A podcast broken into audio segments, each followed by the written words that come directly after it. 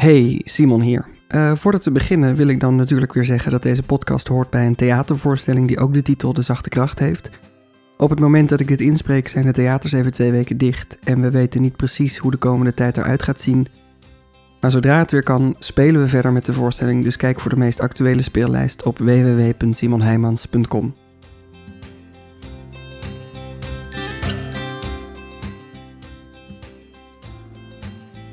Yes, we gaan beginnen. Welkom bij De Zachte Kracht, de podcast. In deze podcast ga je luisteren naar de researchgesprekken die ik heb gehad voor de theatervoorstelling met dezelfde titel waar ik je net over vertelde. De voorstelling en dus ook deze podcast gaan over eenzaamheid. En dan nog meer specifiek over eenzaamheid bij jongvolwassenen.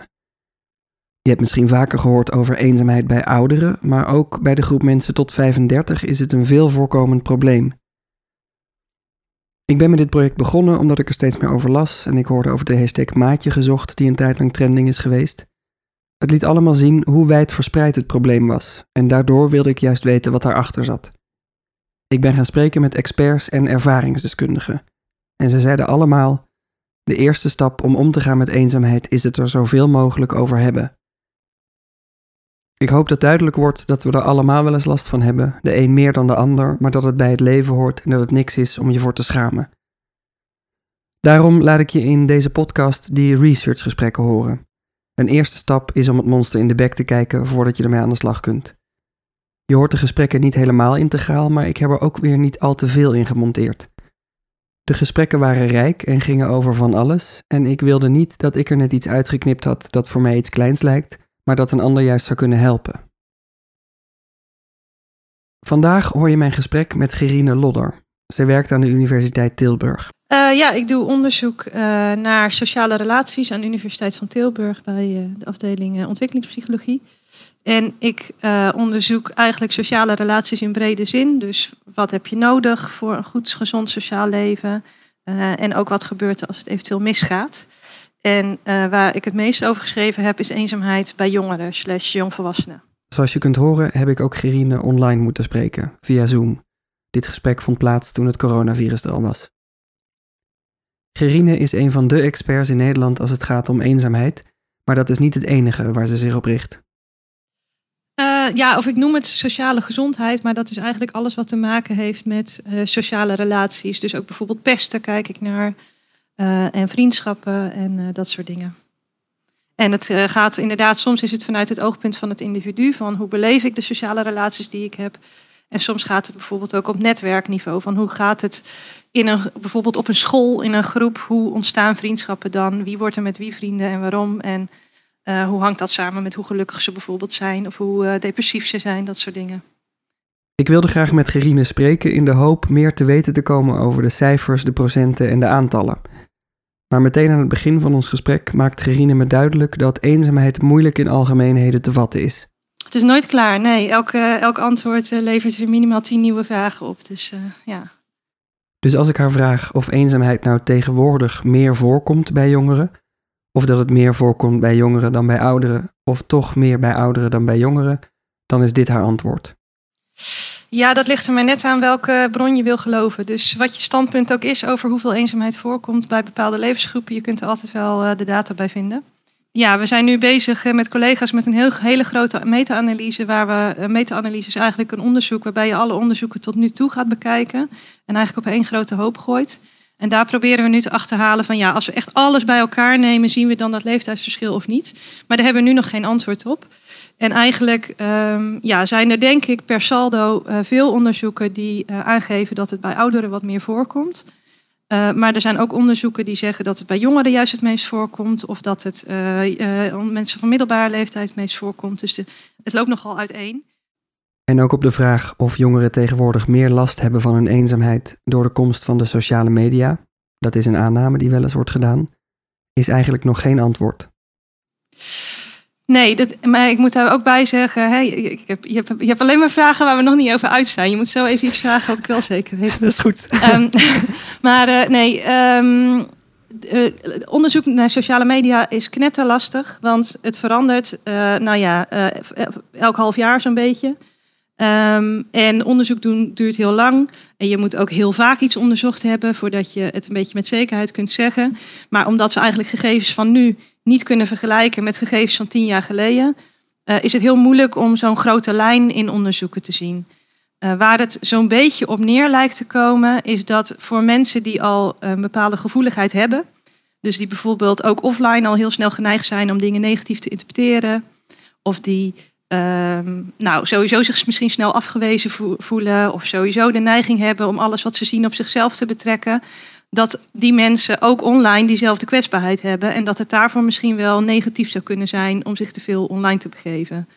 Um, maar daartegenover staat mensen die juist, uh, um, nou ja, wat, wat zelfverzekerder zijn, uh, die offline ook al hartstikke goede vriendschappen hebben en die die uh, onderhouden door online contact, dat het ja, daar juist weer positief voor is. Dus dat lijkt elkaar gewoon een beetje op te heffen. Wat we in elk geval niet zien, en dat, dat lijken veel mensen wel te denken, is dat sociale media een soort van negatieve, zuigende werking zouden hebben die mensen ervan weerhoudt om echt contact te hebben. Sterker nog, uh, we zien dat er uh, een positieve samenhang is tussen contact online en contact offline. Met andere woorden, uh, mensen die goede sociale vaardigheden hebben en die het makkelijk vinden om contact te vinden offline, die gebruiken eigenlijk diezelfde tools online. En daarvoor is het dus juist positief. Dus de, de, het hele eh, idee wat dan snel wordt geroepen op een feestje, ja, dat is allemaal maar slecht voor het contact en we, we, we, we maken geen echt contact meer. Dat is niet dat is niet per definitie waar in elk geval. En, maar daar moet ik wel bij zeggen dat dit natuurlijk allemaal onderzoek is wat over groepen gaat. Dus wat zien we gemiddeld op groepsniveau? En gemiddeld op groepsniveau uh, zijn er uh, weinig of extreem kleine effecten van sociale media op onze mentale gezondheid. Goed. Eenzaamheid is dus een veelomvattende kwestie die van alle tijden is en misschien ook wel van elke generatie. Maar als het zo veelomvattend is, is het dan eigenlijk wel goed te meten? Um, ja, maar we hebben geen um, diagnostische test voor eenzaamheid. Dus wat we kunnen doen is, um, uh, in onderzoek stellen we heel veel verschillende vragen die allemaal gaan over de verschillende ervaringen of de verschillende uitingsvormen die eenzaamheid kan aannemen. En dan vragen we mensen om zichzelf daarop te scoren. Uh, en daar zitten daar bijvoorbeeld dingen in over iemand hebben om mee te praten, maar ook een groepje hebben om leuke dingen mee te doen, of uh, gezelschap missen, of een relatie missen, dat soort dingen. Dus al die verschillende verschijningsvormen, die nemen we mee in een vragenlijst. En hoe hoger je daarop scoort, hoe breder jouw eenzaamheidservaring is, of hoe eenzamer je bent. Maar wat we niet hebben, is een diagnostisch instrument. Als je het bijvoorbeeld hebt over uh, depressie, dan heb je uh, een handboek dat door klinici gebruikt wordt, de DSM. En daarin staat precies aan welke kenmerken je moet voldoen, wil je de diagnose depressie krijgen. Dus dan moet je minimaal, uh, ik weet niet precies, vijf van de, van de tien kenmerken hebben gehad in de afgelopen twee weken. Dat soort kenmerken hebben we niet voor eenzaamheid. Dus we kunnen eigenlijk ook niet zeggen, als je deze ervaring hebt, dan ben je eenzaam. En als je deze ervaring hebt, dan ben je niet eenzaam. Of iemand wel of niet eenzaam is, ja, de enige manier om dat eigenlijk echt goed te achterhalen, is dat aan iemand te vragen. Um, en we hebben niet een, een soort van objectief instrument om het vast te stellen. Dus eenzaamheid bestaat eigenlijk uit een optelsom van subjectieve ervaringen. Ja, als we, ja, nou ja, een optelsom. Wij, wij uh, als we uh, schrijven over eenzaamheid in de wetenschap, dan definiëren we het als een negatieve emotionele reactie op uh, het ervaren van een tekort in je sociale leven. En dat tekort dat kan zitten in de kwantiteit van je sociale relaties. Dus met hoeveel mensen heb je contact. In de kwaliteit, dus hoe voel je je erbij, hoe beoordeel je het, wat, wat haal je eruit. Of een combinatie van de twee. Maar het is altijd een, een subjectieve ervaring. En, en het is ook echt iets anders dan alleen zijn. Ja, want alleen zijn is een. Eh, hoe, wat is dat is een objectieve staat. Ik ben nu bijvoorbeeld alleen in huis. Of ja, mijn kat is ook in huis, maar ik ben nu alleen in huis, maar ik ben nu niet eenzaam. Um, je kunt prima, uh, je kunt prima uh, alleen zijn en je niet eenzaam voelen, omdat je het ook wel lekker vindt om even wat voor jezelf te doen of wat dan ook. Um, en je kunt ook prima onder andere mensen zijn en je toch eenzaam voelen, omdat je uh, gewoon geen aansluiting hebt bij de mensen. Of misschien wel omdat je op dat moment gepest wordt of afgewezen wordt of wat dan ook. Ik begon met dit project omdat ik las over de gigantische percentages jongeren die last hebben van de subjectieve ervaring eenzaamheid. Maar als je zoveel kennis hebt als Gerine, blijkt het juist lastig om iets definitiefs te zeggen over die percentages. Nou ja, tussen de 20 en de 70 procent. ja. Oh. Kun je daar wat mee? nou ja. Wauw. Ja. Nee, ja, dat ligt dus heel erg aan hoe je het meet. oh, wat Ehm, prachtig. eh, ja. Soms leer je het meest als je aantekeningen niks waard blijken te zijn. Als je niet kunt vragen naar een rond getal of naar één oorzaak voor het eenzaamheidsprobleem. Zoveel eenzame mensen, zoveel oorzaken ook. Dus het is ehm, ehm, ja, lastig te zeggen. Uiteindelijk is het altijd, eh, er is denk ik bijna niemand waarvoor er één oorzaak is voor eenzaamheid, omdat het ook een complex fenomeen is in een complexe wereld, binnen complexe mensen, eh, noem maar op. Ehm, maar ehm, ja, er zijn, er zijn factoren die binnen de mens zelf liggen die dat eh, lastig maken. Dus hoe ze, hoe ze denken, hoe ze zich gedragen. Er zijn factoren in de omgeving en er zijn factoren in de, nou ja, de omgang met de omgeving. Dus er zijn genetische factoren, lichamelijke factoren. Op het moment dat Gerine het heeft over lichamelijke factoren, moet ik eraan denken dat ik wel eens heb gelezen dat eenzaamheid ook lichamelijke gevolgen kan hebben.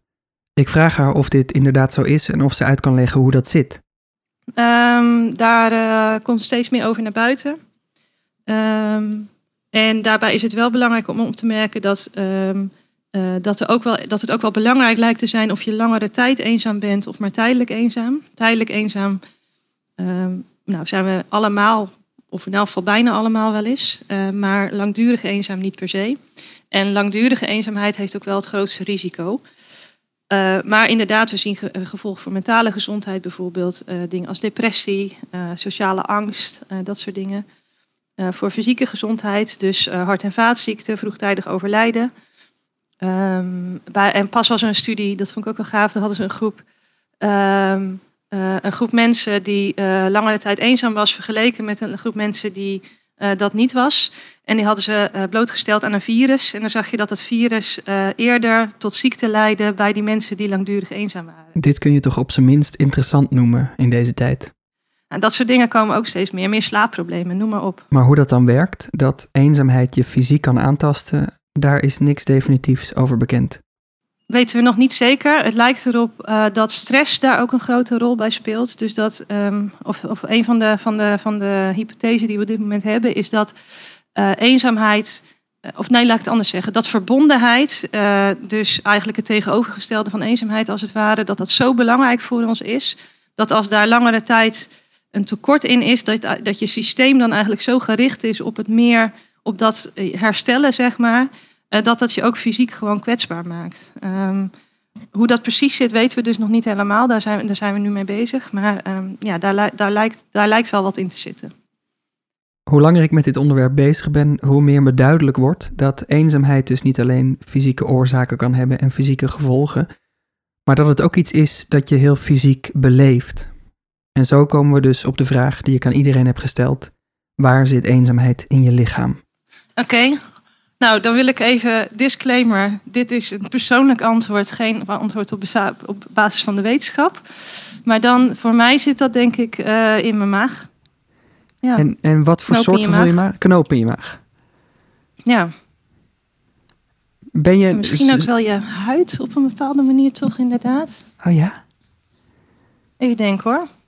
Interessante vraag, maar ik voel het nu niet. Dus dan is het moeilijk uh, te beschrijven om je hem voor te stellen. Hmm. Weet je wat het denk ik is? Waarom ik zeg in je huid? En dan koppel ik toch weer even aan een psychologisch begrip omdat het voor mij wel heel erg aan een, uh, uh, aan een uh, approach motivatie gerelateerd is. Dat als ik eenzaam ben, dan wil ik dat oplossen en dan wil ik contact zoeken. Dat je een soort ga-neiging hebt, als het ware. Snap je wat ik bedoel? Ja. En daar misschien huid, omdat het een soort van prikkeling is van, kom, doe nu iets. Maar gewoon het rotte nare gevoel, ik ben nu eenzaam en ik ben zielig, dat zit in mijn buik. Ben je zelf ook nog wel eens eenzaam? Ja, tuurlijk, ja. Net als iedereen, denk ik. Ja, Iedereen ja, is eenzaam. Wel, nou ja, iedereen. Als wetenschapper zeg je nooit iedereen natuurlijk. maar ik denk dat, uh, dat er weinig mensen zijn die het gevoel helemaal niet herkennen. Als je althans hebt uitgelegd wat je precies bedoelt met eenzaamheid. Um, ik denk wel dat er mensen zijn die van zichzelf zullen zeggen van ik, ik ben niet eenzaam. Maar, uh, maar dat ze bijvoorbeeld bij eenzaamheid denken aan uh, langdurig alleen zijn of zo. En dat ze dat nooit gehad hebben. Maar gewoon het gevoel van uh, ik, hoor hier, ik hoor er niet bij hier. Of uh, ik wou dat ik nu mensen om me heen had en dat heb ik niet. In elk geval voor even. Ik denk dat iedereen dat wel kent, toch? En hier gebeurt dan iets moois. Het gesprek tussen mij en Gerine gaat even weg van de cijfers, de feitjes en de nog niet afgeronde onderzoeken, maar het wordt hier even persoonlijk. Ja, ja. Ja, en wat het gekke is dus wel dat ik me dus heel, heel veel bezig hou met eenzaamheid. En dat ik ehm, de eerste periode, want ik woon nu anderhalf jaar in Tilburg. En de eerste periode hier, achteraf gezien, was ik dus ook best wel eenzaam. En het, het gekke is dat dat denk ik komt omdat ik al best wel veel van mijn nieuwe collega's kende van tevoren. Dus dat ik niet echt ben gaan investeren in uh, ja, relaties opbouwen. Uh, en op een gegeven moment zat ik ook echt slecht in mijn vel. En ik, uh, ik, ik wist niet zo goed hoe en wat. En toen dacht ik opeens, je bent gewoon eenzaam. Je, je, moet, gewoon, je moet gewoon dingen gaan doen met mensen. Maar niet, niet, niet, niet het stukje emotionele eenzaamheid. Hè. Emotionele eenzaamheid is meer van, ik heb niemand om mee te praten. Of ik, uh, niemand begrijpt me echt. Ik kan bij niemand terecht. Dat, dat, dat, dat, dat niet. Maar wel het stukje sociale. Van, hey, dit is mijn groepje en hier hoor ik bij. En hier ga ik leuke dingen mee doen. Dat miste ik. Um, en toen dacht ik, ja, en ik hou me dus gewoon op dagelijkse basis bezig met eenzaamheid. Dit is voor mij, ik word vaak uitgenodigd op plekken om daarover te praten, omdat ik er dan alles van zou weten. En dan herken ik het niet bij mezelf. Want dat moet wel ook, dat moet, of, ik, of ik ben gewoon heel slecht in het herkennen van mijn eigen emoties, dat is ook een mogelijkheid. Maar blijkbaar is het dus ook wel iets wat gewoon ingewikkeld is voor mensen. Ja, om het, om het te herkennen en te erkennen misschien. Ja, erkennen ook, ja. Want het is ook wel iets er zit ook wel schaamte aan vast, toch? Nou, van jij vroeg net aan mij van ben je ook wel eens eenzaam? Uh, en ik merk dat er dan gelijk een soort super alertheid bij mij komt. En dat ik denk, ja, ik ga sowieso niet alles vertellen. Ah ja. Um, en dat is voor veel mensen, denk ik zo. Is, het, is er dus een taboe op, op? Ja, dat sowieso. Ja, dat is ook. Uh, een vandaag heeft toen eens een keer een onderzoek gedaan naar eenzaamheid bij jongeren. Daar kwam ook uit dat uh, heel veel van de jongeren die eenzaam zijn, daar met niemand over praten en dat ze zich ervoor schamen. BBC heeft een heel groot onderzoek gedaan bij 55.000 mensen.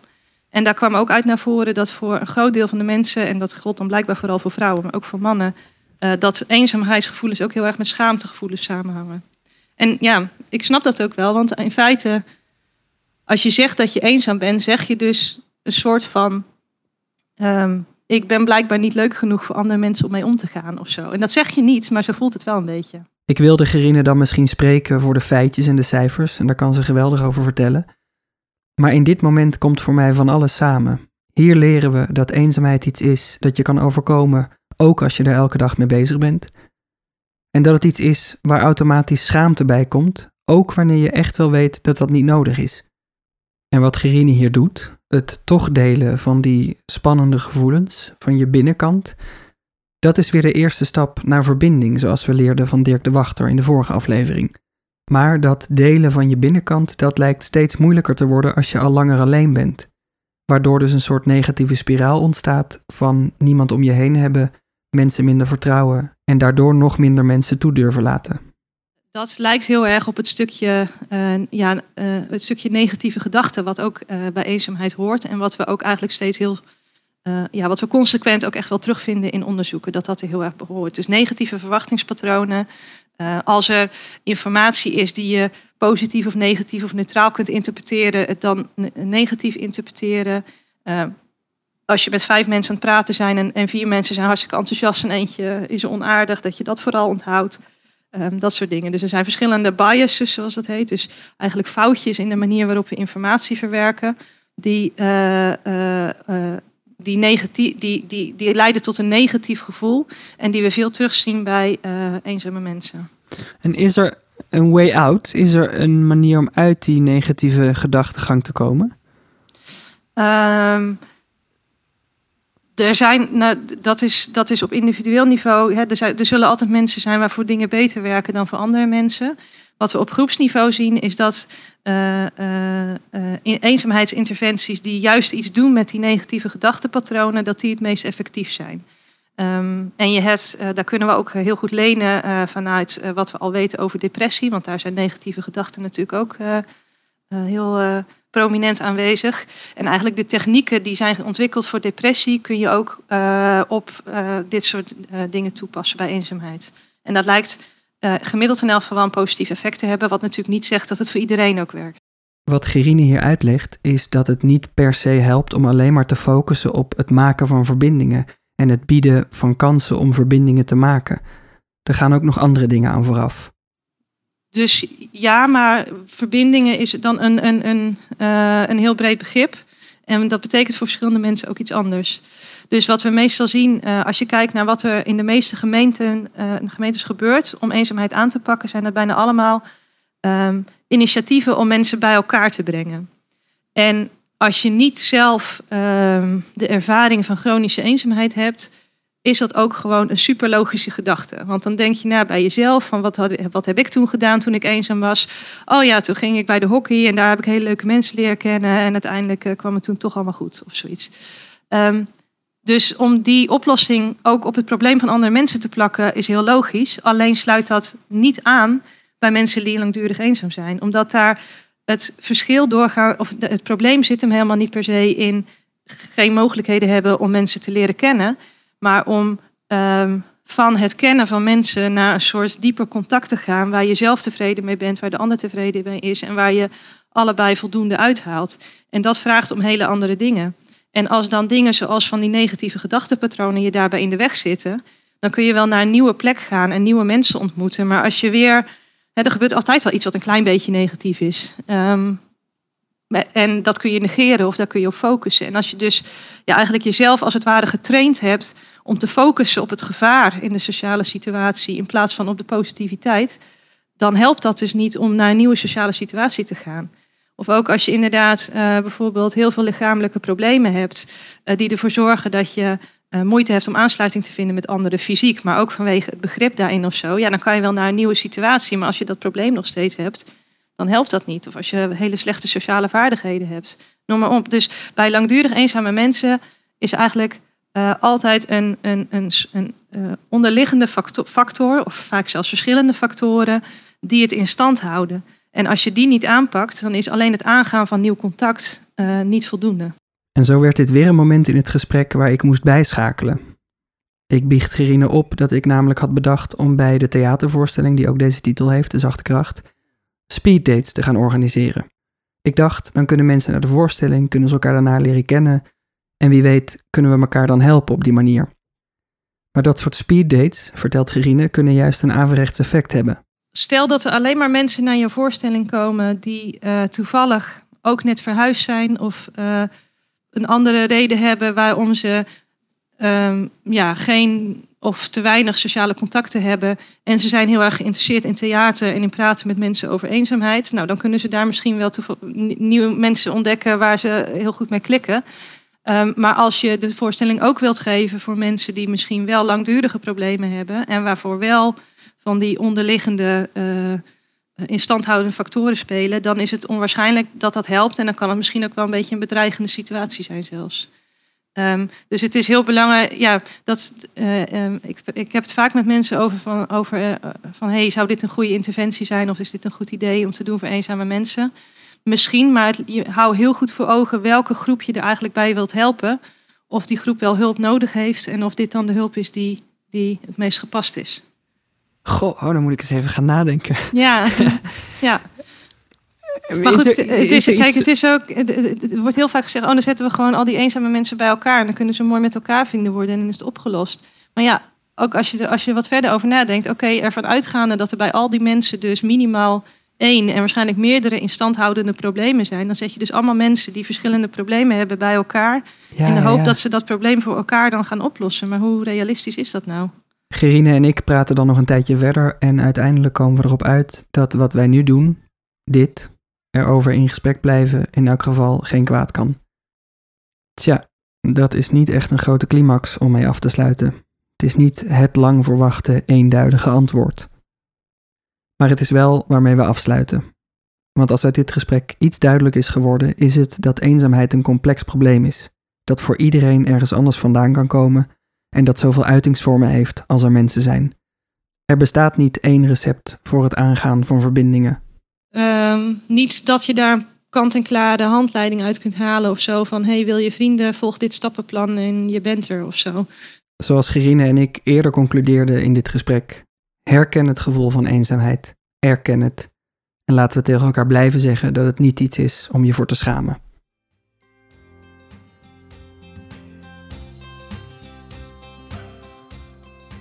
Dit was mijn gesprek met Gerine Lodder. Een van de researchgesprekken die ik had voor de theatervoorstelling die ook de titel De Zachte Kracht heeft. Ik herhaal graag nog een keer dat de voorstelling zodra de theaters weer open zijn weer te zien is. Ga voor de meest actuele speellijst naar www.simonheimans.com. We komen door het hele land. En tot slot, heb je zelf last van eenzaamheid? Weet dat je terecht kunt bij je huisarts of bij een organisatie als Join Us. Zij helpen jongeren om om te gaan met eenzaamheid. Kijk voor meer informatie daarover op join-us.nu.